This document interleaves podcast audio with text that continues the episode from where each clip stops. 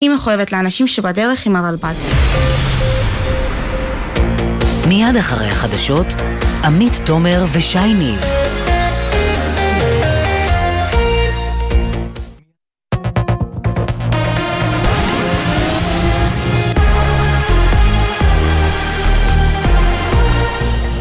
גלי צה"ל השעה 6, שלום רב באולפן מתן לוי עם מה שקורה עכשיו.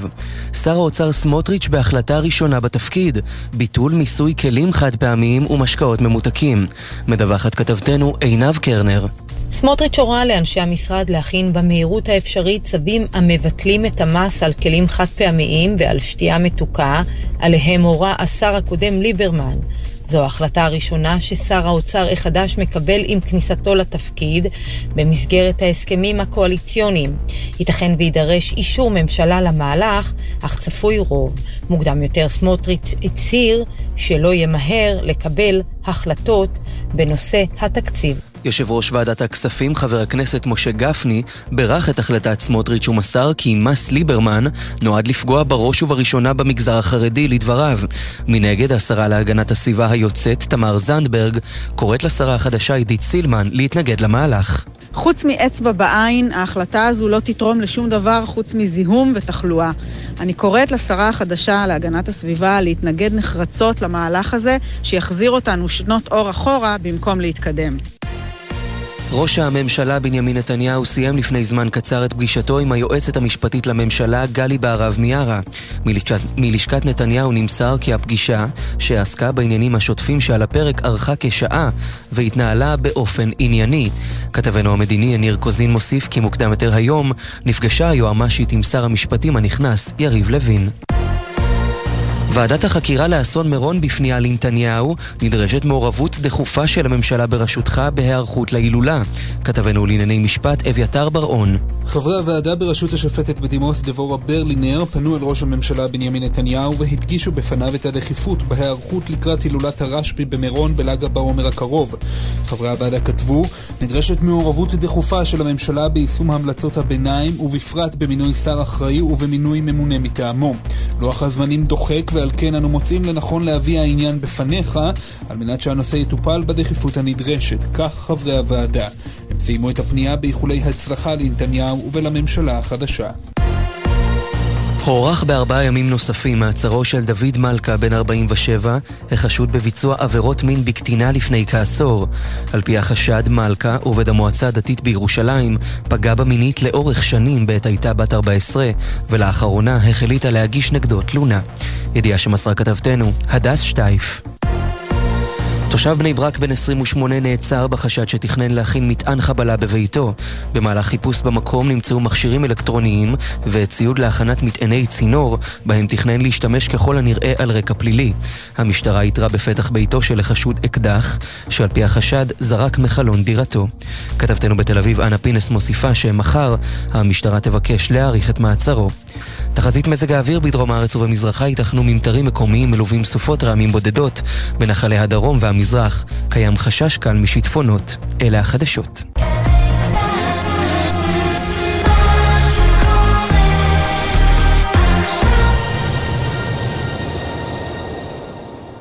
בחסות כל מוביל, היבואנית הרשמית של יונדאי, מיצובישי, מרצדס וג'נסיס, המציעה מגוון מסלולי קנייה מותאמים אישית, לפרטים כוכבית 3862. עכשיו בגלי צה"ל, עמית תומר וישראל פישר עם החיים עצמם.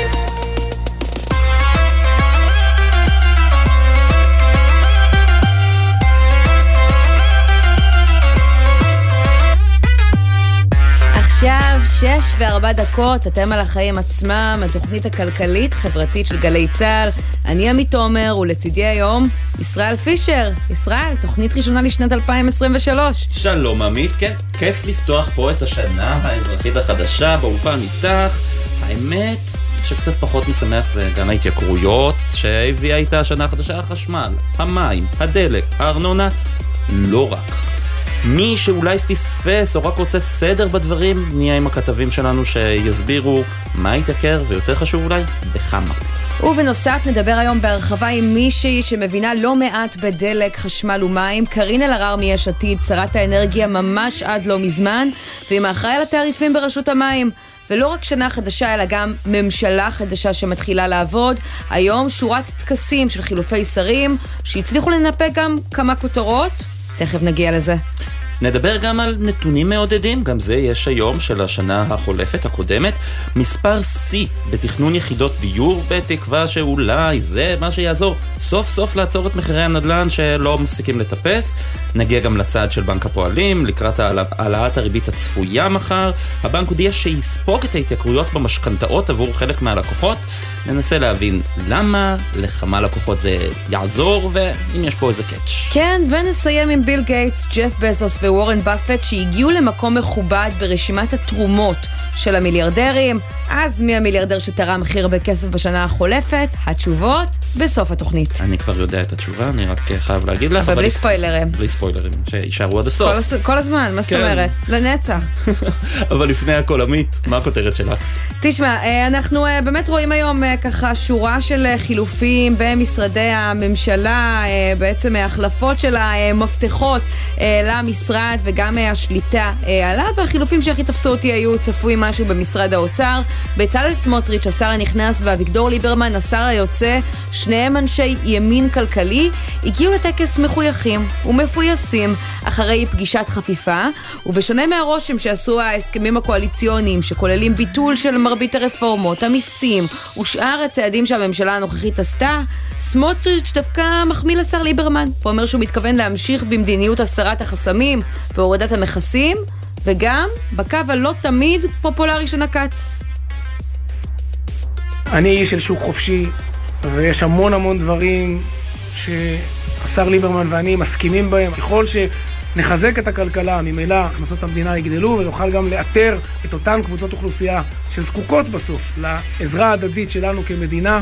לא בטוח שכל מה שנעשה יהיה פופולרי, אבל אני משוכנע שכל מה שנעשה בעזרת השם יהיה נכון וטוב. עכשיו תשמע, זאת לא הסתירה היחידה בין ההצהרות בהסכמים למילים ששמענו היום בעל פה. בהסכם בין הליכוד לציונות הדתית, השר סמוטריץ' מתחייב בין היתר לפעול להקפאת תעריפי החשמל, המים והארנונה, אבל כשהוא נשאל על ידי כתבים האם ומתי זה יקרה על רקע ההתייקרויות החדות שאנחנו מרגישים עכשיו, הוא עונה בלקוניות רק, אני לא רוצה להבטיח כלום.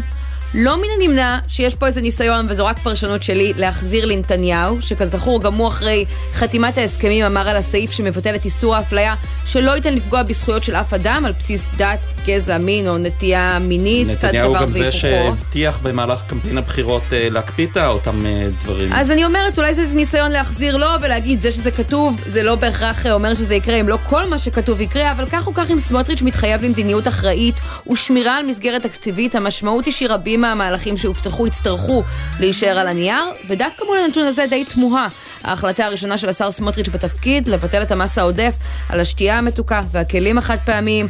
ניגע בזה גם בהמשך התוכנית. אמנם מדובר באחת ההבטחות הבולטות שלו ושל המפלגות הדתיות מימי הבחירות, ואנחנו מעודדים כאן לקיים הבטחות. אבל בין כל ההתייקרויות זו היחידה שמזיקה לבריאות וגם לקופת המדינה, כשגורעת ממנו מקור תקציבי שיכול היה לשמש לסבסוד התייקרויות אחרות של מוצרים שבאמת נחוצים בכל בית. תכף נשמע כמה וכמה דוגמאות טובות. כן. מה הכותרת שלך, ישראל? אני נשאר בטקס חילופי השרים, במקרה הזה טקס חילופי השרות במשרד התחבורה. היום בבוקר נסעתי לעבודה באוטובוס, האוטובוס היה תקול, הדלתות לא עבדו, היו פקקים, גם בדרך לכאן, ליפו, היו פקקים. והייתי מצפה שההחלטות הראשונות או ההצהרות הראשונות במשרד התחבורה יהיו קשורות באמת לטיפול במצב הקשה של התשתיות של הכבישים בישראל. אבל לא.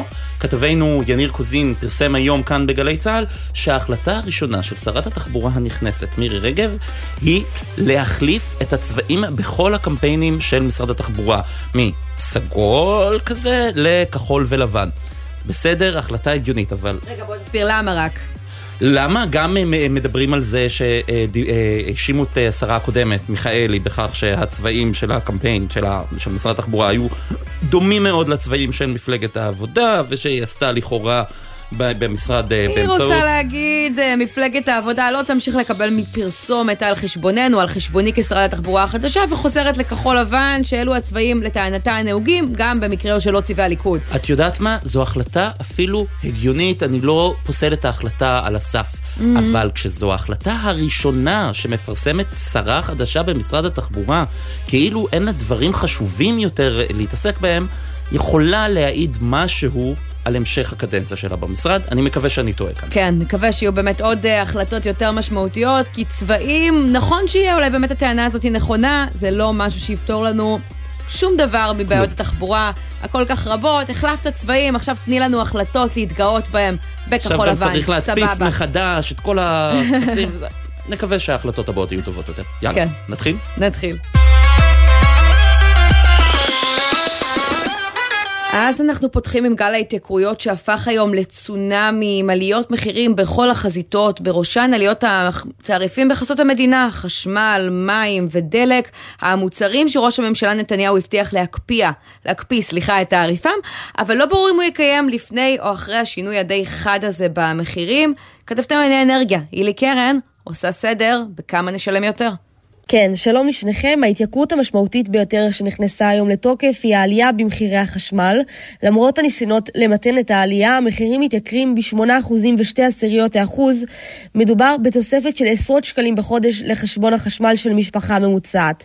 באוצר נעשים ניסיונות למתן את ההתייקרות, אך מהלך כזה צפוי לעלות לקופת המדינה יותר מ-2 מיליארד שקלים.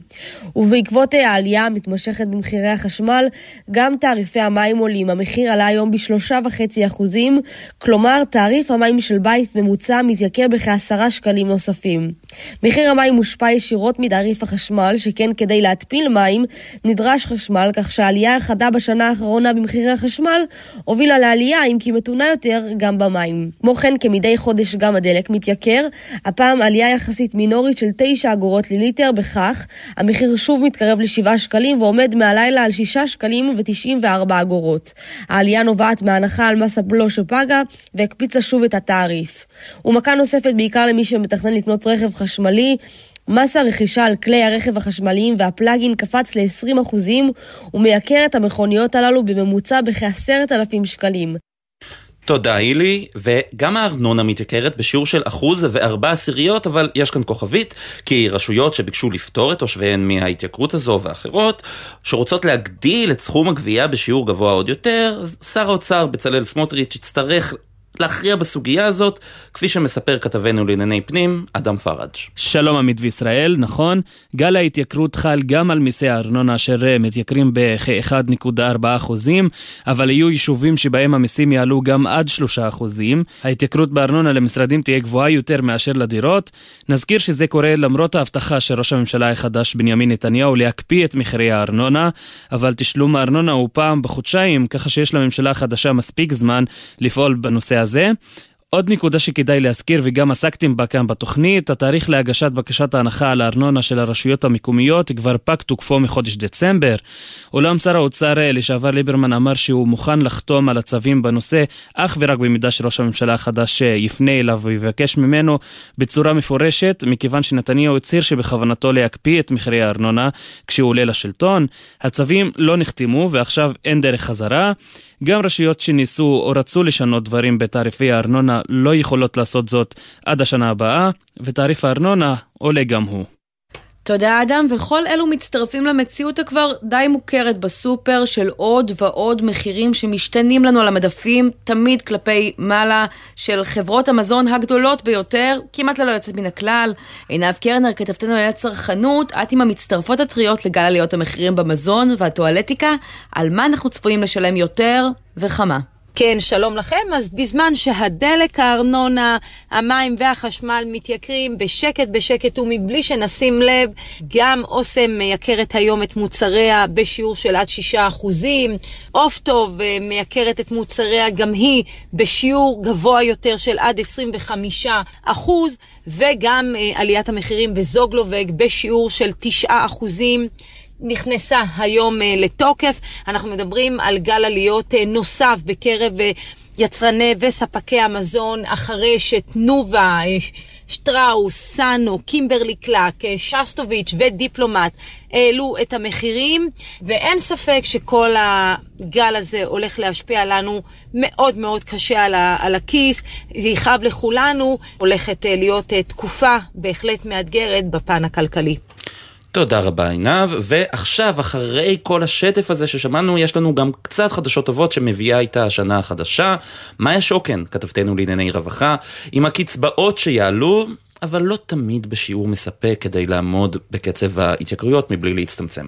שלום עמית וישראל, אז באמת בשורה משמחת למקבלי הקצבאות שיעלו בכמה מאות שקלים החל מהחודש הבא. קצבאות הנכות יעלו בכעשרה אחוזים, מ-3,700 שקלים לקצבת נכות מלאה לכ-4,060 שקלים, עלייה של כ-300 שקלים. כמו קצבאות הנכות השונות, כך גם קצבאות הילדים יעלו, אך בשונה מקצבת הנכות, קצבת ילדים תעלה בהתאם למדד ולא לשכר הממוצע, כך שהסכום עבור ילד ראשון יעלה מ-156 שקלים ל-164, עלייה של 8 שקלים. הילד השני, השלישי והרביעי יזכו את ההורים ב-207 שקלים במקום 197. לגבי קצבת אזרחים ותיקים, כן נרשמת עלייה, אך היא נמוכה יותר, עלייה של כ-5%. אזרח ותיק יקבל במקום כ-1,600 שקלים, כ-1,700 שקלים, עלייה של כ-100 שקלים, שתהיה דומה גם ליחיד עם בן או בת זוג, כ-2,500 שקלים במקום כ-2,400. רק נוסיף, הקצבאות תופקדנה באופן ישיר לחשבונות הבנק של הזכאים, ללא צורך באף פעולה מצידם, וזה יקרה במהלך חודש ינואר הקרוב. אז אנחנו נשארים עכשיו עם נושא ההתייקרויות. כמו שאמרנו, אחד התחומים שהכי משפיעים לנו על הכיס הוא החשמל, ומחירי החשמל התייקרו ביותר מ-20% בשנתיים האחרונות. ולצורך העניין הזה אני רוצה לפנות לחברת הכנסת קארין אלהרר, לשעבר שרת האנרגיה, מה זה לשעבר? היום היה טקס כן, החילופים. מהבוקר לשעבר. כן, מיש עתיד, ערב טוב. ערב טוב לכם, ערב טוב למאזינים. אפשר היה לעשות משהו כדי לעצור את ההתייקרויות האלה בחשמל, במים, בדלק? תראו, קודם כל נתחיל בזה שעשינו, ובעקבות פנייה שלי, למי שהיה שר האוצר, הפחתנו את הבלוק על הפחם. צריך להבין את הסיטואציה, אני יודעת שההסברים לא הופכים את העניין לזול יותר עבור האזרחים. Mm. ועדיין צריך לומר את העובדות. בעובדות, מחירי הפחם עלו בעולם במאות אחוזים. ישראל עדיין מייצרת חשמל כ-20% מפחם. כל היתר זה מהרוב זה גז, וכעשרה אחוז אנרגיות מתחדשות. צריך לומר ביושר, אני פעלתי רבות על מנת שחברת חשמל תסב את התחנות מוקדם יותר. היו אין ספור ישיבות. למרבה הצער הם לא עמדו בלוח זמנים. כן, ביוני האחרון הם היו אמורים להפסיק את ייצור בחשמל בארות רבין בחדרה. היו תירוצים רבים, היה קורונה, וחברת ג'י לא עמדה בקצב. ובסופו של דבר מי שמשלם זה האזרח. אבל תגידי, עם, ואני... עם יד על הלב, האם בעצם התחלת להתעניין בנושא ולהאיץ אותם כשהמחירים כבר עלו? יכול להיות שמשרד האנרגיה בשגרה נרדם בשמירה ולא דאג שחברת החשמל, רשות החשמל, יעמדו ביעדים עד שהנושא הזה יתפוצץ עלינו בתעריפים גבוהים ש- שלא ראינו פה הרבה זמן? ממש לא. ממש לא, ממש mm. לא. צריך לומר את האמת, שאם תבדקי כבר בנאום הכניסה שלי למשרד האנרגיה הבאתי איתי את נושא האנרגיות הירוקות ואת האנרגיות המתחדשות ופעלתי אה, במשרד אחת לשבועיים בפגישות עם רשות החשמל, חברת החשמל, נציגי משרד האנרגיה וחברת ניהול מערכת כדי שאנחנו נוכל להגדיל את ייצור האנרגיות המתחדשות ממש בדיקה של מגוואטים אחת לשבועיים. יכול להיות, לזה, יכול להיות ש... הבנו רק שנייה ישראל, ישראל, רק להשלים משפט, כשהבנו שיש בעיה בשיטה, אז פעלנו כדי לייצר איזשהו מצע לקוח, כדי להבין למה לא מצליחים לייצר ולחבר יזמים מהר. והבאנו שורה של צעדים שהיו אמורים להיכנס בהסדרים הקרוב. ואני מאוד מקווה שהשר החדש יאמץ אותם. יכול להיות שלעובדה שלחברת החשמל לא היה מנכ"ל במשך חצי שנה, ועדיין אין יושב ראש יותר משנה וחצי מאז שעזב היושב ראש הקודם, תרמה לכך שחברת החשמל לא עמדה ביעדים שהציבו לה, שעכשיו אנחנו משלמים על זה? ממש לא, ישראל, אה, צריך לומר ביושר. היה מנכ"ל זמני, שהוא אדם מתוך המערכת, הכיר היטב את המטריה. אה, אני פעלתי כל העת, בין בפגישות אצלי, בין בפגישות אצל המנכ"ל. אגב, לטענת חברת חשמל, האשמה היא לא בהם. הם אומרים שהבעיה הייתה בזה שלא הגיעו עובדים זרים בתקופת הקורונה. הבעיה הייתה בזה שלא היו חלקים בגלל אה, הבעיות במסחר. אה, טענו ש-GE לא עומדת בנטל. אה, זה ממש לא קשור לעניין המנכ"ל. אגב, אני הצעתי לאורך כל התקופה mm-hmm. לדבר באופן ישיר עם GE כדי להבין איפה הדברים עומדים. ו? GE זו החברה שמייצרת את תחנות הכוח החדשות, רק... אה, נכון, אמרו לי שהם על זה ושאין צורך ושהם מסתדרים, אה, ויותר מזה, אני דיברתי עם כל ההנהלה בחברת חשמל כדי שהדבר הזה יקרה מכמה טעמים. בעיניי זה גם עניין סביבתי, גם עניין כלכלי שהפך לנטל כבד מאוד על האזרחים, כן. וגם, אתה יודע, בסוף יש התחייבויות וצריך לעמוד בהן. תשמעי, במבחן המציאות לא עמדו uh, בהתחייבויות, uh, אפשר uh, להגיד נכון. את זה, ואת uh, בעצם uh, עדיין, uh, אני מניחה, רק הבוקר עזבת את משרד האנרגיה בקשר עם רשות החשמל, חברת החשמל, ואני רוצה לשאול אותך, ההתייקרות הזאת היא סוף פסוק מבחינתם? כי אנחנו שומעים שבאוצר עוד פועלים לנסות כרגע לצמצם את ההתייקרות עד שחשבון החשמל יגיע לבתים. תראה, אני שוב אומרת, קודם כל, כדאי שיאריכו את הפטור על הבלו. הבלו על הפחם. הוא עתיד להיגמר. כן, כן, אה, את הבלו על הפחם. אה, גם הייתי מציעה להם, למשרד האוצר, אה, להמשיך בהנחה על הדלק, שגם הוא עולה. אבל לעניין החשמל, כן, אפשר לעשות עוד דברים. אני שמעתי שראש הממשלה נתניהו הבטיח שהוא בעצם יבטל את העלייה. יקפיא את מחירי החשמל, כן, זה צעד נכון בעינייך? אה, תראי, אני פשוט חושבת שאם הוא יעשה את הדבר הזה, אה, זה פשוט יגרום אה, להגדלת הגירעון. אם זו התוכנית שלו, אז זה בסדר גמור. אבל בבקשה, ביי עולמים. אני בטוחה שכולם ישמחו. היום את דיברת על, על הערכים הסביבתיים שבהפסקת השימוש בפחם, ההחלטה בעצם הראשונה שהיום פרסם שר האוצר בצלאל סמוטריץ', על הורדת הפטור, בעצם הגדלת, סליחה, הפחתת המס על אה, משקאות ממותקים אה, וכלים חד פעמיים, בשונה ממה שנהגה הממשלה הקודמת. מה עמדתך בנושא הזה? אה, זה באמת עניין של סוג של נקמנות ותחושת ניצחון. בסוף, אני חושבת שיותר משזה עניין של מס, זה עניין של בריאות הציבור. אני לא רואה ערך ביתר משקאות ממותקים. אני לא רואה ערך בכלים חד פעמיים. אה, אני רואה שבעולם פועלים רבות כדי לצמצם את זה. אני באמת לא מצליחה להבין למה מדינת ישראל צריכה להיות חריגה בעניין. אה, חבל לי שאתה יודע, כדי לשים אצבע בעין לאופוזיציה, אז הם אה, פוגעים בציבור שהם אמורים לייצג. כן, uh, תשמעי, את uh, העברת היום את השרביט לישראל כץ בשליטה על משרד האנרגיה לשנה הקרובה, אחר כך הוא יעבור למשרד אחר. כן. לא היה אפשר לפספס את הפרצופים, לא בטוח ששבעי רצון משני הצדדים. את מודאגת מהעובדה שעומד להוביל את המשרד שר שלא ממש מעוניין בתפקיד? תראי, אני חושבת שכל ההתנהלות בהקמת הממשלה הזאת היא התנהלות של הפרד ומשול, פרק והרכב. אה, ממש, אה, את יודעת, אפשר היה להקים חנות איקאה. אה, אני באמת, אני כולי תקווה שבסופו של דבר השירות לאזרח לא ייפגע. כולי תקווה שהמשרד ימשיך לצעוד בצעדים גדולים. את חושבת שנכון למנות שר לשנה אחת במשרד כמו משרד האנרגיה? אני חושבת שאף שר לא כדאי שיהיה שנה. אני יודעת שאני נכנסתי למשרד, אמנם לישראל כץ יש בהחלט ניסיון עשיר.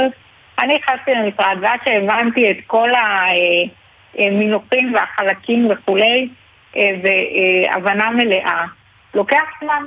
אה, אני מוכשר ככל שאהיה, אני חושבת שיש טעם לפגם בקדנציה כזאת של שנה, ואז שנתיים בחוץ, ואז עוד שנה במשרד האנרגיה. בעיניי זה לא נכון, כלפי הציבור. אני שואלת את עצמי מה חושב אזרח בקצה.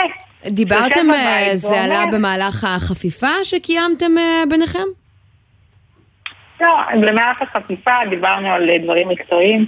אגב, אני חושבת שישראל כץ הוא אדם ראוי, טוב שהוא מגיע למשרד האנרגיה, אה, יש לו ניסיון גם באוצר, אה, אה, והוא מכיר את התחום. אה, כן. ועדיין, אני חושבת לסיום- ש... ולו כדי לשדר רצינות לציבור, ראוי היה שיהיה שר במשרה מלאה. לסיום, איזה סוג אופוזיציה אתם אה, תהיו, כמו האופוזיציה הקודמת, שהתנגדה לכל אה, רעיון לא. ממשלתי? ממש לא. אמרנו, ואנחנו נעמוד בזה, שבסוף אה, הדאגה היחידה שהיא לנגד עינינו, והדבר היחיד שהוא יהיה נר לרגלינו בקדנציה ובכלל, הוא העובדה שאנחנו נדאג לאזרחי מדינת ישראל. אה, ואם יהיה דבר שהם יביאו שמשרת את האזרחים, אנחנו בהחלט נתמוך בו, ואם יהיו דברים שלא, אנחנו בהחלט נתנגד להם. אני חושבת שהפוזיציה שהצגתה הממשלה אה, היום, היום ממשלה אז אופוזיציה בקדנציה הקודמת, כן. הייתה מחפירה ופשוט פעלה כנגד הציבור. טוב, אז בואו נראה איך זה ייראה מהצד השני עכשיו. חברת הכנסת קארין אלהרר, לשעבר אה, שרת האנרגיה מיש עתיד, תודה רבה על הדברים האלה. תודה לך, להתראות. ובואו נגיד שלום לגלעד פרננדס, מנהל חטיבת הכלכלה ברשות המים, ערב טוב. ערב טוב, שלום לכם ולמאזינים. אז בואו נתמקד בעוד התייקרות אה, חשובה ומשמעותית בחשבונות אה, המים. על פי הערכות שלכם, בכמה ההתייקרות הנוכחית, שלושה אחוזים וחצי, תעלה את חשבון המים החודשי של משפחה ממוצעת? אז אה, קודם כל מבחינת אה, חשבון מים צריך לזכור שחשבון המים בארץ הוא יחסית נמוך, אה, אני חושב גם בהשוואות בינלאומיות שרואים שאפילו מגופים, מגופי מחקר כמו הכנסת שמבצעים אז בערך, אה, החשבון הוא בהחלט נמוך, הוא בערך 140-150 שקל לחודש. למשפחה ממוצעת של אה, נגיד ארבע נפשות שצורכים אה, צריכה סבירה ומושכלת וכרגע בגלל העדכון הזה של השלושה וחצי אחוז אז התעריף יגדל להם בעוד חמישה, שישה שקלים. רק צריך להזכיר, כן. זה אחרי עוד אה, בעצם אה, שתי פעימות, אם אני לא טועה, של, של גידול שראינו בשנה וקצת אה, האחרונות, מאז תחילת המשבר בין רוסיה לאוקראינה, אז גודל השינוי כבר מגיע, אם אני לא טועה, לכמה עשרות שקלים.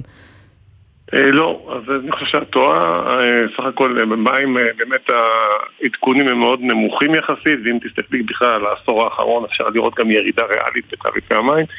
כמו שאמרתי, בחשבון שהוא יחסית קטן, את צודקת בהחלט שהוא מושפע כרגע גם מהמלחמה בין רוסיה לאוקראינה, כיוון שתעריפי החשמל עולים, חשמל הוא תשומה מאוד מרכזית תשמע, חשבון מים. אה, קטן, אבל בכל זאת, אתה יודע, יש אה, כוונה לממשלה הנכנסת, לפחות אה, הצהרה, להקפיא גם את החשבונות האלו. מישהו מטעם הממשלה הזאת כבר פנה אליכם וביקש לבחון את האפשרות להקפיא את תעריפי המים?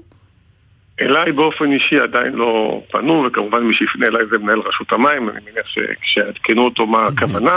אנחנו כמובן מזכירים שמדובר פה במשק תעריפי אה, שפועל כמעין משק אה, כספים סגור, כי העלויות מכוסות בתוך התעריף. יכול ויקרה שהממשלה רוצה אה, שהתעריף יישאר כמו שהוא, ואם יהיו עלויות נוספות, אז הממשלה יכולה... הממשלה כמובן- תצטרך לממן את זה מה העלות בעצם. של צעד. כזה? נכון, לתמוך בתקציב. אז בוא נגיד ככה שבערך אחוז בתעריף המים זה סדר גודל של אה, 55-60 מיליון שקל. אז אם נניח יש עלייה של אה, שלושה וחצי אחוזים, אז זה בערך 200 מיליון שקל שהממשלה יכולה למצוא מקור תקציבי ולהעביר למשק המים, ואז בעצם אה, אפשר לוותר על העלה. העליית מחירי החשמל הנוכחית, כי כשעדכנתם את תעריפי המים, הבאתם בחשבון את העלייה הקודמת, עליית תעריפי החשמל הנוכחית יכולה לגרור עלייה נוספת בתעריפי המים? אה, העלייה הנוכחית היא, היא, הוא גם, היא גם הובאה בחשבון בצורה מסוימת, כי לא ידענו בדיוק בכמה יעלה, כי זה עוד היה בתהליך של שימוע של רשות החשמל, אבל עדיין הבאנו בחשבון עלייה מסוימת. אני מניח שגם בסוף השנה הזו, כשנעשה את החשבון, בסוף אז יש, כי החשמל הוא לא הדבר היחיד. רגע, העלייה שהבאתם בחשבון היא שיעור ההתייקרות כיום, או שהיא עלייה פחותה? זה סביבות, אנחנו לקחנו סביבות 7-8 אחוז, זאת אומרת, Mm. העלייה כבר מגולמת, ו...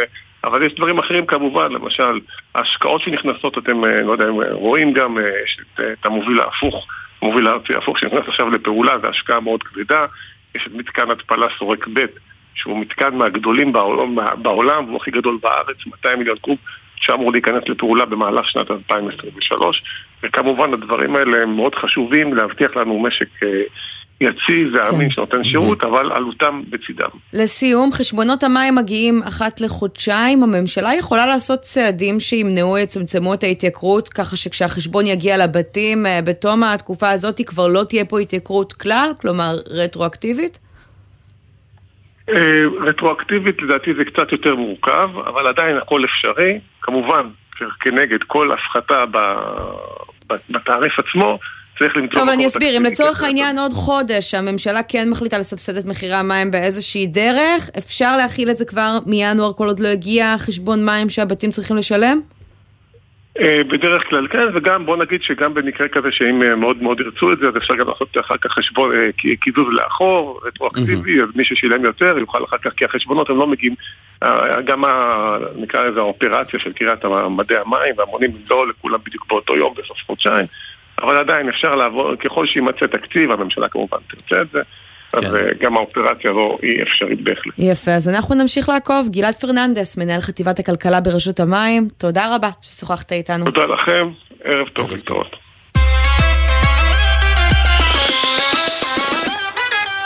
אנחנו חוזרים להודעת אה, שר האוצר בצלאל סמוטריץ' על אה, אה, ביטול המס על החד פעמי והשתייה המתוקה ואנחנו רוצים לשמוע את תגובתו של פרופסור חגי לוין, יושב ראש איגוד רופאי הציבור, ערב טוב. שלום ישראל, שלום עמית. מה המשמעות, מה, מה אתה חושב בעצם על ההחלטה הזו שאתם תמכתם בעצם בהטלת מס על שתייה ממותקת? נכון, זאת בעצם מתנה על חשבון הציבור בישראל לחברות המשקאות, ובעצם אה, מס אה, בריאותי, מס אה, סמוטריץ', אם תרצה, על הציבור בישראל, שיסבול עכשיו יותר מעיוורון, מקטיעות גפיים, מסוכרת, מהשמנה וממוות כתוצאה מהמשקאות המזיקים והמסוכנים, וגם פגיעה בסביבה בישראל. אה, בגלל ביטול המס על הכלים החד פעמיים. אבל תגיד, זאת לא אמירה קצת אה, פופוליסטית, כי בסופו של דבר ראינו את הנתונים. בבנק ישראל בהתחלה דיברו על שינוי בצריכה של עשרות אחוזים, אחר כך הם תיקנו את המחקר שלהם והגיעו לשינוי של אחוזים בודדים בלבד, בין חמישה לעשרה אחוזים. אז בסוף שילמנו הרבה יותר וקנינו ממש טיפה יותר. בתור רופא בהדסה, אה, אם כל המציל נפש אחת, כאילו הציל עולם במלואו. אם אנחנו נוריד בעשרה אחוז את המאושפזים במדינת ישראל מסוכרת והשמנה, את הקטיעות גפיים, את העיוורון, את אי אספיקת הכליות, הלוואי, זה יהיה נהדר. אז אה, נכון שהמס היה צריך להיות מוקצה כולו לטובת קידום תזונה בריאה בישראל והנגשת מים במרחב הציבורי ואז התמיכה בו הייתה גדולה יותר וגם התועלת הייתה גדולה יותר. נכון שחברות המשקאות בלובי הצליחו ברגע האחרון להפחית את המס ב-30% ולכן לפגוע באפקטיביות שלו. אבל המס- החברה החרדית טוענת שזה מס שמכוון אליה, וגם אה, לפי הנתונים לא ראו שם באמת ירידה בצריכת משקאות ממותקים.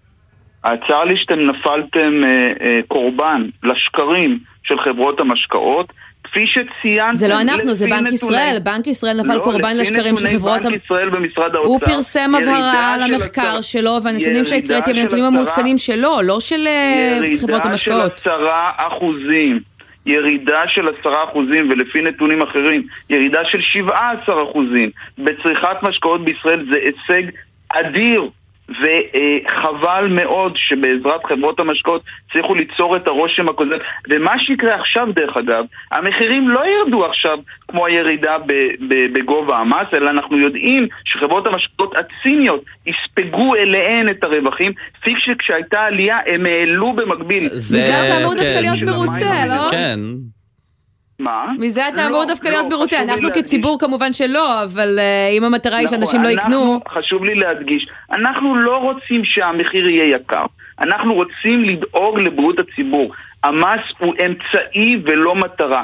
אבל העובדה ששר האוצר, הצעד הראשון שהוא בוחר לעשות, בלי לשמוע את הנתונים, בלי לשמוע את אנשי המקצוע במשרד האוצר והבריאות, דבר ראשון שהוא עושה בצעד פופוליסטי ופוליטי, הוא, הוא מוריד את המס, הוא משדר מסר לא נכון לציבור בישראל, וחשוב שהציבור בישראל לא ייפול קורבן למסר השגוי הזה. אני קורא לציבור כולו, ללא קשר למס, תפסיקו לשתות את המשקאות האלו כפי שאני עשיתי, כפי שהמשפחה שלי עשתה, בגלל שאנשים מתים מהמשקאות האלה שהם הרבה יותר מזיקים לבריאות מכל אה, דבר אחר שאנחנו צורכים, ואני מאוד מקווה שהצד הזה לא יתקבל כאיזשהו מחטף, אלא שיתקיים תהליך סדור של קבלת החלטות. אנחנו מדינה דמוקרטית, לא מדינה שבן אדם אחד בא ומחליט החלטה, ויהיה דיון בכנסת, כמו שהיו עשרות דיונים שאני השתתפתי בהם.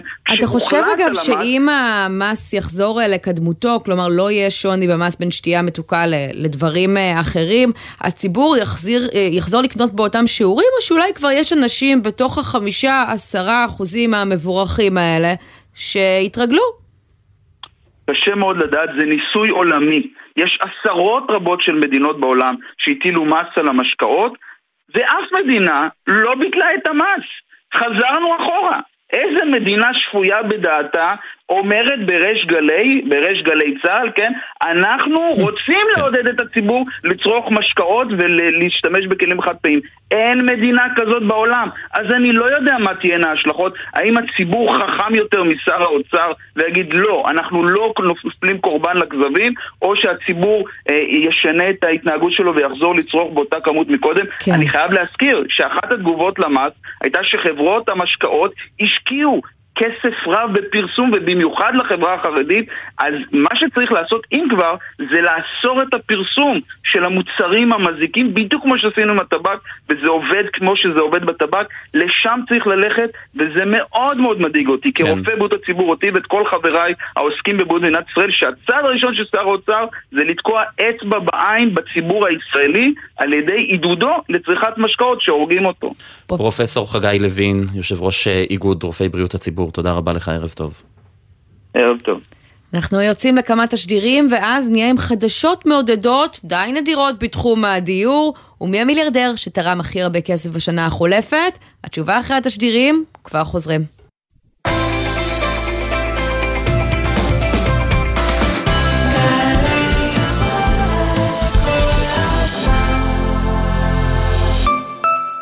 שלום, כאן איתי הרמן. זה שאני יודע את כל שמות נשיאי ארצות הברית, למשל, עזר לי לקבל לא מעט משרות. לרעיונות העבודה שלכם, זה בוודאי יועיל פחות. אבל מה שתלמדו באתר קמפוס IL יכול להעניק לכם יתרון בכל ראיון. כי בקמפוס IL תמצאו קורסים חינם כמו כתיבת קורות חיים, יצירת פרופיל לינקדאין, אקסל למתקדמים ועוד רבים שישדרגו לכם את קורות החיים. קמפוס IL, בהובלת מערך הדיגיטל הלאומי והמועצה להשכלה גבוהה. אתם לא תציבו בעסק שלכם שלט אין כניסה לאנשים עם מוגבלות. זה לא כלכלי, לא מוסרי, וזה גם לא חוקי. אבל זה מה שאתם עושים כשאתם לא מנגישים את העסק שלכם. בעלי עסקים, במהלך שנת 2023, אכיפת הנגישות תכלול גם קנסות. עסקים שאינם נגישים יהיו חשופים לתביעות ולקנסות גבוהים. עדיין יש לכם הזדמנות להנגיש את העסק ואת האתר שלכם, כי החובה שלכם היא הזכות שלנו. מידע נוסף באתר נציבות שוויון זכויות לאנשים עם מוגבלות. אמללה, אמללה, אמללה, אמללה, אמללה.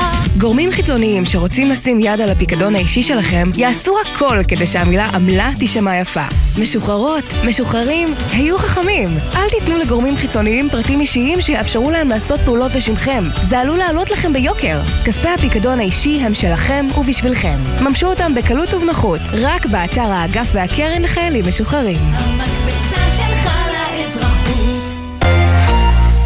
רן. אנחנו שומעים את החדשות שלך כל יום, והן באמת אה, מאוד מעניינות. כן, אבל חשבנו אולי... אה, נעשה משהו קצת יותר כיפי עם החדשות? כן, משהו יותר חדש, מרענן, אה, שפונה גם לילדים? למשל, מה, מה, מה, מה, מה, מה, מה, מה, מה, מה, מה, מה, מה, מה, מה שקורה עכשיו. ירדן ודידי, רעיון מעולה, נשקול אותו. אבל אתם יודעים מה זה מזכיר לי? את עוד גל"צ, זירת התוכן החדשה ביישומון גל"צ. אפשר למצוא בה גם תוכניות חדשותיות וגם את התוכניות המעולות שלכם, ועוד המון תוכן משובח גם לגדולים וגם לקטנים. מיד אחרי החדשות, עמית תומר וישראל פישר עם החיים עצמם. חזרנו. כן, ועכשיו אנחנו... חדשות טובות. ענף הנדל"ן, תשמע, אנחנו רגילים לדבר על הזינוק החד במחירי הדיור, יותר מ-20% בשנה אחת, זו הבשורה שבסוף הכי חשובה לציבור הישראלי. וזה גם לא עוצר נכון לעכשיו. כן, אי אפשר להתעלם ממנו, אבל זה לא הזינוק היחיד שחל השנה. התחלות הבנייה הגיעו לשיא של כמעט 160 אלף יחידות דיור בשנה האחרונה, ככה עולה מנתונים שמפרסם היום מנהל התכנון. אז האם שטף הבנייה שצפוי לנו ישפיע בקרוב גם על המחירים? בואו נגיד שלום למנכ"ל מנהל התכנון, רפי אלמליח. ערב טוב. שלום, ערב טוב עמית, ערב טוב ישראל. אז מתי? מתי נראה את זה קורה, להערכתך? טוב, אז אה, רק אה, לתקן, אנחנו אה, אחראים על התכנון, אנחנו תכננו השנה כ-158 אלף יחידות דיור. זו באמת שנת שיא, כאשר... וכמה זה גבוה יותר לעומת השנה הקודמת, למשל? שנה קודמת היא עמדה על 104 אה, אלף יחידות דיור. אה, זו עלייה משמעותית. על 160, עלייה מאוד משמעותית, והיא גם אה, מעבר ליעדים הממשלתיים שהוצבו, אה, שהם עודכנו השנה ל-125 אלף, אז אנחנו נמצאים במקום טוב בעניין מה אפשר את השטף הזה, שככה לא ראינו בשנים קודמות באותה עצימות? יש יותר קרקעות? מה שאפשר את השטף... מה שאפשר את השטף הזה, אה, למעשה זה ממש אה, בחודשים האחרונים אנחנו לקחנו כל תוכנית וראינו מה החסמים והצלחנו אה, לחלץ במאמץ משותף עם מטה התכנון, עם מינהל התכנון. כשאתה אומר חסמים, למה אתה מתכוון? תן אולי איזו דוגמה. יש uh, תהליכים מאוד ארוכים בתכנון ואנחנו uh, מיקדנו פעילות בכל uh, תוכניות שאמורות להתאשר השנה ומיקוד מאמץ כזה הביא אותנו להישגים. אחת הטענות נגד גופי התכנון קשורה בעצם בבירוקרטיה והסחבת הבלתי נגמרות שיזם, לא משנה מאיזה תחום, כשהוא פונה לוועדות התכנון הוא צריך להגיש טפסים ולכל מיני גופים שונים ואין תיאום בין הגופים השונים. איך מטפלים בבעיה הזו כדי שהמגמה הזו שראינו בשנת 2022 תימשך גם לתוך השנה האזרחית החדשה? אה, אנחנו מובילים עכשיו שורה של רפורמות, גם בהתחדשות אה, עירונית וגם בתשתיות וגם ברישוי. הקמנו ממש אגפים אה, חדשים במבנה הארגוני החדש. אני חמישה חודשים נמצא כאן בתפקיד ואנחנו בתהליך הזה כבר בחודשים האחרונים וגם אנחנו נכנסים לתחום של ייזום ואנחנו ניצור כאן היצע מאוד גדול בשנים הקרובות בתחום ההתחדשות, בתחום התשתיות וגם אה, במקביל אנחנו מקדמים את הגנים הלאומיים ושמורות הטבע אה, גם במאמץ אה, ניכר. וגם בזה יש לנו השנה בשורה, ואנחנו גם בהכרזה על גנים לאומיים הגענו לשנת שיא. תגיד, אבל אתה לא מודאג בעניין התקציב ההמשכי? זה מה שאומר לקרות כאן בחודשים הקרובים, לא יהיה תקציב קבוע על 2023, וראינו בעבר שזה מוביל לפחות הקצאות של אה, תקציבים לרשויות המקומיות, לבניית אה, תשתיות, כיתות וכל המעטפת הנדרשת, ואז הן לא ששות אה, לבנות. תחום התשתיות, גם הוא מקבל אצלנו לפחות בתחום התכנון, אנחנו מקבלים תקציבים, מקבלים תקציבים מאוד גדולים לתכנון ואנחנו רואים עכשיו את עד 2050 מה נדרש בכל תחומי התשתית אם זה תחבורה, ואם זה פסולת, ואם זה אנרגיה. אבל אני שואלת אם התקציבים שאתם מקבלים והרשויות המקומיות שמקבלות, שבסוף על בסיסן מחליטות אם לבנות או לא לבנות עוד יחידות בשטח שלהם, מצטמצמות בימים של תקציב המשכי, זה לא מדאיג אותך? תקציב המשכי זה אומר 1 חלקי 12, זה אומר שזה לפחות כמו שהיה בשנה שעברה והתקציבים האלה יכולים רק אה, לגדול לא בדיוק, יש דברים אחרים שמתייקרים, כמו עלויות שכר, וזה לא מקבל ביטוי, ואז הרבה פעמים כסף הולך לשם, ואנחנו רואים וראינו בעבר שהרשויות המקומיות הן הרבה פעמים הנפגעות הגדולות ממהלך כזה, באמת בתחום הזה של בניית המעטפת ליחידות בנייה. זה דבר שקרה בשנים שבהם לא היו תקציב. והוא באמת הוביל להאטה, אגב, במספר התחלות הבנייה, היחידות המתוכננות. כן, מהכובע הקודם שלי ברשות מקרקעי ישראל, אה, אני יודע שבהסכמי גג ניתן היה לייצר תקציב אה, ממש אה, מכוון למטרת פיתוח של שכונות ושל פרויקטים מסוימים ואני חושב שבזה ניתן לייצר תקציב שהוא לא רק המשכי. מה לגבי המהלכים של הממשלה אה, החדשה, למשל אה, להקצות 15% מכל פרויקט אה, לחרדים, זה לא יסרבל תכנון של פרויקטים ויציאה שלהם לדרך? לא, המגזר החרדי האמת סובל בשנים האחרונות מתכנון שהוא לא מספק את הצרכים, אנחנו צריכים להגיע בהיקפים... כי יש להם גם מאפיינים שונים קצת מתכנון למגזר הכללי, למגזר החילוני נגיד. נכון. ואנחנו, מה שאנחנו רוצים, אה, ועשינו את זה עכשיו, אה, שני פרויקטים, אה, אנחנו מייצרים תכנון היברידי שהוא יכול לשמש או את המגזר החרדי או את המגזר הכללי. התחלתם כבר להיערך לשינויים האלה בעקבות באמת ככה הכוונה של הממשלה הנכנסת לבנות גם פרויקטים מיוחדים לחרדים, עוד עיר חרדית וכולי? בלי שום קשר לממשלה הנכנסת או היוצאת, אנחנו כבר בפעילות הזו נמצאים שמענו על זה בעבר, על אה, קריית גת, וזה אחד הפרויקטים שעכשיו אמור להתאשר, שהוא פרויקט היברידי שיכול לאפשר גם אה, מגורים ל... אבל אני רוצה להבין, אתה אומר במילים אחרות, כי נשמעה הרבה ביקורת על כל הצעדים האלה בהסכמים הקואליציוניים, ואתה בעצם אומר, יש בהם היגיון? האוכלוסייה החרדית עד עכשיו הופלטה לעומת הציבור הכללי? ההיקפים של יחידות דיור לאוכלוסייה החרדית הם נמצאים בחסר אה, בחסר גדול יותר מהחברה הכללית, החילונית? אה, אני חושב שכן, החברה החרדית יש אה, אה, ילודה יותר גבוהה ולכן החסר הוא שם מתבטא הרבה יותר. אני רוצה רגע ללכת איתך לחיפה. יש את תוכנית המתאר הארצית למפרץ חיפה. מתי המפעלים המזהמים שם במפרץ יצאו באמת מהמפ... מהאזור הזה לראייתך? יש אה, החלטת אה, ממשלה שמקדמת, אה, למעשה מדברים על סדר גודל של עד סוף העשור, אנחנו צפויים לראות שם כבר תזוזה ומבחינה תכנונית אנחנו כבר נותנים את המעטפת התכנונית ואת הבסיס כך שמבחינה תכנונית לא יהיה, אה, לא יהיה מצב שאנחנו נעכב את הפרויקט הזה. וכדי שזה יקרה צריך למצוא מקומות חלופיים אה, לאחסון תזקיקי הדלקים במקום מפרץ חיפה. איפה זה יהיה? נכון, אז זה בדיוק נמצא עכשיו בתזכיר אה, השפעה על הסביבה ואנחנו בוחנים את החלופות השונות.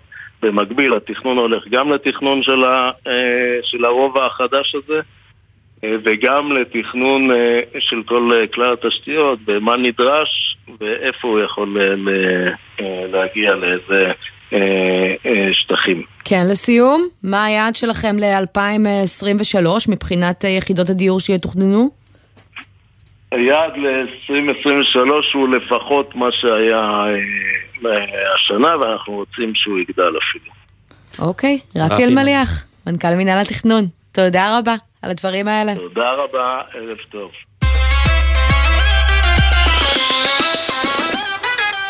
מחר צפויה לעלות שוב הריבית, ואת יודעת מה זה אומר? מה זה אומר? שכאן בתוכנית תעסקי ככל הנראה בנושא של התייקרויות החזרי המשכנתה ללקוחות. כן, אין ספק שזו הגזרה זה... העיקרית שאנחנו רואים בחודשים האחרונים על הציבור, בזמן שהמחירים לא יורדים, כלומר זה לא מצליח עדיין לרסן את האינפלציה. שמענו לאחרונה על הכוונה של הממשלה החדשה, של יושב ראש ועדת הכספים הנכנס משה גפני, להקפיא את הריביות על המשכנתאות, דבר שיכול להכניס את השוק אה, לסחרור, אבל יש מי שכבר עושה את זה באופן וולונטרי. בנק הפועלים הודיע שיספוג את ההתייקרות בריבית אם וכאשר אה, תהיה אה, מבחינת אה, החזרי המשכנתאות. לא לכולם, בואו נבין למי, עם ברוך אה, גסול, מנהל אגף המוצרים בבנק הפועלים. ערב טוב. ערב טוב עמית, ערב טוב ישראל, אז... וערב טוב לכל המאזינים. כן, אז קודם כל קיבלנו היום באמת את ההודעה של העיתונות, מהבנק. אה, זה טריק? זה תעלול או שזה משהו ממשי שבאמת ישפיע על אה, הלקוחות שלא יצטרכו לספוג את אה, העלייה בהחזרי אה, המשכנתאות? אז בואו אני אפרט. זה משהו ממשי מאוד, כמו שפרסמנו בהודעה שאתה מתייחס אליה, מעל עשרת אלפים משקי בית פשוט לא ישלמו את התוספת של הריבית שתקרה מחר לשנה הקרובה. בניתוחים שעשינו אנחנו מדברים פה על הקלה שיכולה להגיע ל-1,500, לפעמים יותר, שקל בשנה, והחל ממאות שקלים. רגע, בוא נעשה סדר. משהו מאוד מאוד משמעותי. כמה לקוחות נוטלי משכנתאות יש לכם היום בבנק? יש לנו כמובן הרבה הרבה יותר מאותם עשרת אלפים לקוחות, אבל מה שאנחנו רצינו לעשות, וזה הבדל אולי מהצעות אחרות, הלכנו לאוכלוסייה שלדעתנו אה, נפגעת בצורה הכי משמעותית מההעלאה של הריבית. לא חיפשנו לראות איך אנחנו מקלים לא על משקיעים ולא על אנשים מאוד עשירים ולא מי שקונה דירות יוקרה באזורי, אה, בשיא אזורי הביקוש וכן הלאה. איך מזהים את אותם אנשים? את אותם, אז אני, אני אסביר. חיפשנו בעצם את אותם זוגות הצעירים, את רוכשי דירה ראשונה, את ה... גם משפרי דיור, אם יש להם רק דירה אחת ומיד מכרו את הדירה אה, אה, הקודמת שלהם, והגדרנו קריטריונים. הקריטריונים שלנו אה, הלכו לדברים שקל מאוד לציבור להבין. כל אחד יכול להבין האם הוא בתוך אוכלוסיית היעד שלנו כן או לא. למשל, האם שיעור המינוף הוא מעל 60 אחוז. כלומר, לא היה לו הרבה מההון העצמי הנדרש. כי אם הסתדרת ויש לך 60-70 אחוז מרכישת הדירה שלך כהון עצמי, אז כנראה אתה לא צריך את העזרה של בנק הפועלים. כן, אתם בודקים גם כשהדירה זולה יחסית, החזר חודשי נמוך מ-5,000 נכון, שקלים, ושההחזר נכון. יתייקר בלפחות 400 שקלים. את כל הקריטריונים האלה אני מבינה, הם באמת ייצרו הבחנה ללקוחות הצעירים, שככה מושקעים אה, בפחות אה, במשכנתאות, מה שאולי מעיד על מה שיש להם אה, מראש בחשבון. חשבון אה, הבנק. יש קריטריון שלא הבנתי, למה ההלוואה צריכה להיות משולמת ללא פיגורים? כי דווקא זה בעצם פוסח על אוכלוסיות שהכי צריכות את זה, שדה פקטו לא עומדות בתשלומים. אני אסביר. כי יש לנו מנגנונים אחרים שנועדו לטפל באוכלוסיות שכבר נמצאות, נמצאות במצב שמתקשות. לקוח שמתקשה, נמצא בפיגורים, הדבר הכי טוב שהוא יכול לעשות זה לפנות לבנק שלו, לנהל דיאלוג על איך לפרוס, מה לעשות וכן הלאה, אבל זה מאוד חליפה על פי מידה. לכל מצב של הלקוח זה לא איזה מהלך רוחבי שאנחנו יכולים לעשות. אבל המירב, המירב כמעט המוחלט של לקוחותינו הם לקוחות שמשלמים בצורה תקינה וסבירה. אתם מזהים עלייה בקשיים בהחזרים של תשלומי המשכנתה? תראה ישראל, אנחנו כמובן עוקבים אחר זה, ואנחנו מאוד ערים למה שקורה אה, בשוק הנדל"ן, בשוק המשכנתאות, אה, הנושא של העלאת הריבית. בכל ההסתכלויות שלנו אנחנו לא רואים איזו עלייה אה, משמעותית או איזו פגיעה ביכולת אה, של הלקוחות אה, להחזיר, אבל אנחנו כן מבינים שהעלייה הזאת שמגיעה בהחלט למאות שקלים אה, ויותר אה, מדי חודש ל- ללקוחות, מתחילה להקשות על משקי בית. ובדיוק לשם כיוונו כדי לעזור, כדי שאותו משק בית יוכל את אותו 1,500 שקל או 2,000 שקל או 1,000 שקל שהוא ישלם עכשיו פחות אה, ולא יצטרך לממן את עליית הריבית הנוספת, יוכל להשקיע את זה בחוג לילדים, ברכישה משהו למשפחה, בחיסכון אם זה מתאים לאותו אה, משק בית.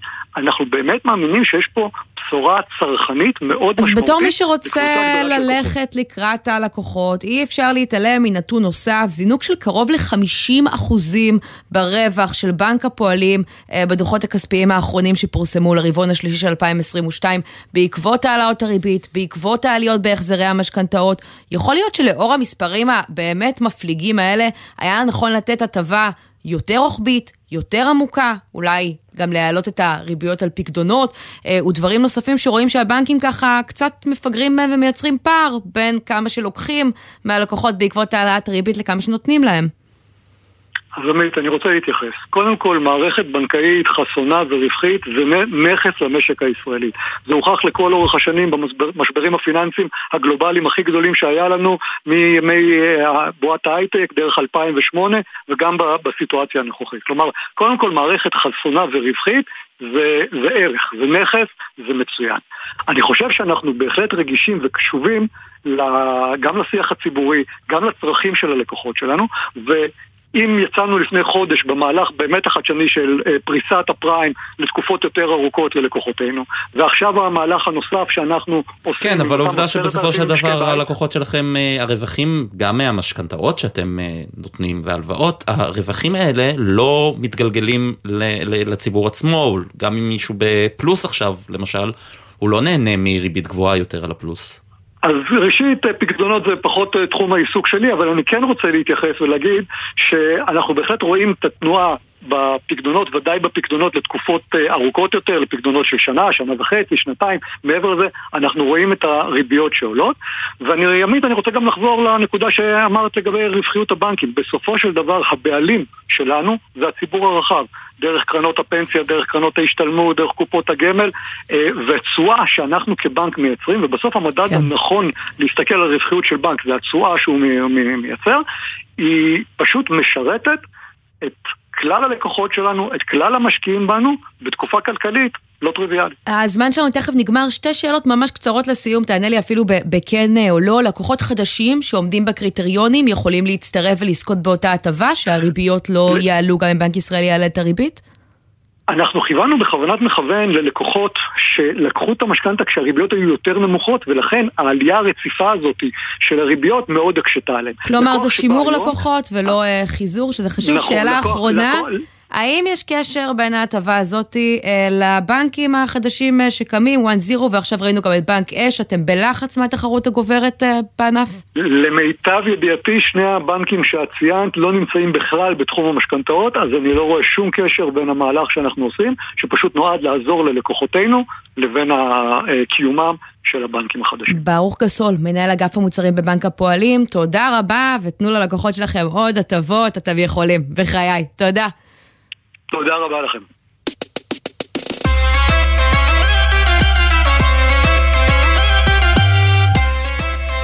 ואנחנו מסיימים עם אה, רשימת התורמים הגדולים, אלו שנתנו אה, לציבור, אה, מהמיליארדרים שאנחנו רגילים בדרך כלל אה, לשמוע על כל מה שיש להם. בואו נשמע על מה שהם נותנים בחזרה.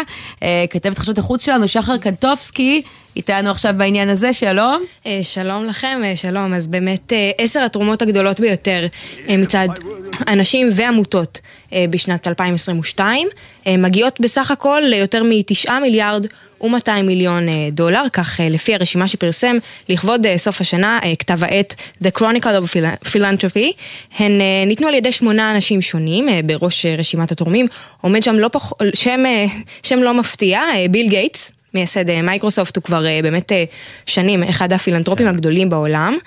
השנה הוא תרם חמישה מיליארד דולר לתמיכה במטרות שקשורות בעיקר לבריאות ולחינוך. מוקדם יותר השנה פורסם גם שגייטס לא מתכוון להוציא את היד מהארנק גם בשנים הקרובות, הוא מתכנן לתרום עוד 20 מיליארד דולר עד שנת 2026. וחוץ מביל גייטס, את מי עוד אנחנו יכולים למצוא ברשימה?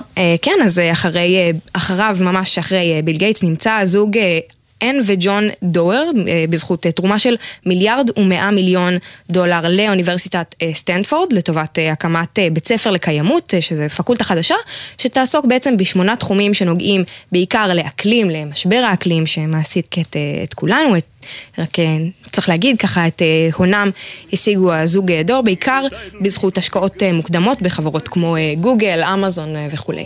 כן, שחר קנטובסקי, כתבת חדשות החוץ, תודה רבה. תודה לכם. והנה, גם לתרום, זה חשוב, אנחנו שומעים ברקע את איפה ריצ'מן של כנר על הגג. מחווה לאותן הדמויות שעשו אה, מחווה, ונגיד תודה תוך כדי לבן נצר, העורך של השידור הזה, לירון מטלון הפיק, על הביצוע הטכני היה תומר רוזנצוויג, ועורכת הדיגיטל היא יולי אמיר, מיד אחרינו 360 עם עידן קבלר. אני עמית תומר, ישראל פישר, תודה רבה. תודה רבה עמית. מחר יהיה פה סמי פרץ, תבואו גם, ביי ביי. בחסות פנגו, המאפשרת תשלום מהנייד בתחבורה הציבורית, באוטובוס, ברכבת ועוד, כפוף לתנאי שירות. בחסות אוטודיפו, המציעה מצברים לרכב עד השעה תשע בערב בסניפי הרשת, כולל התקנה חינם. כי אין סיבה לשרוף את שישי במוסך. אוטודיפו.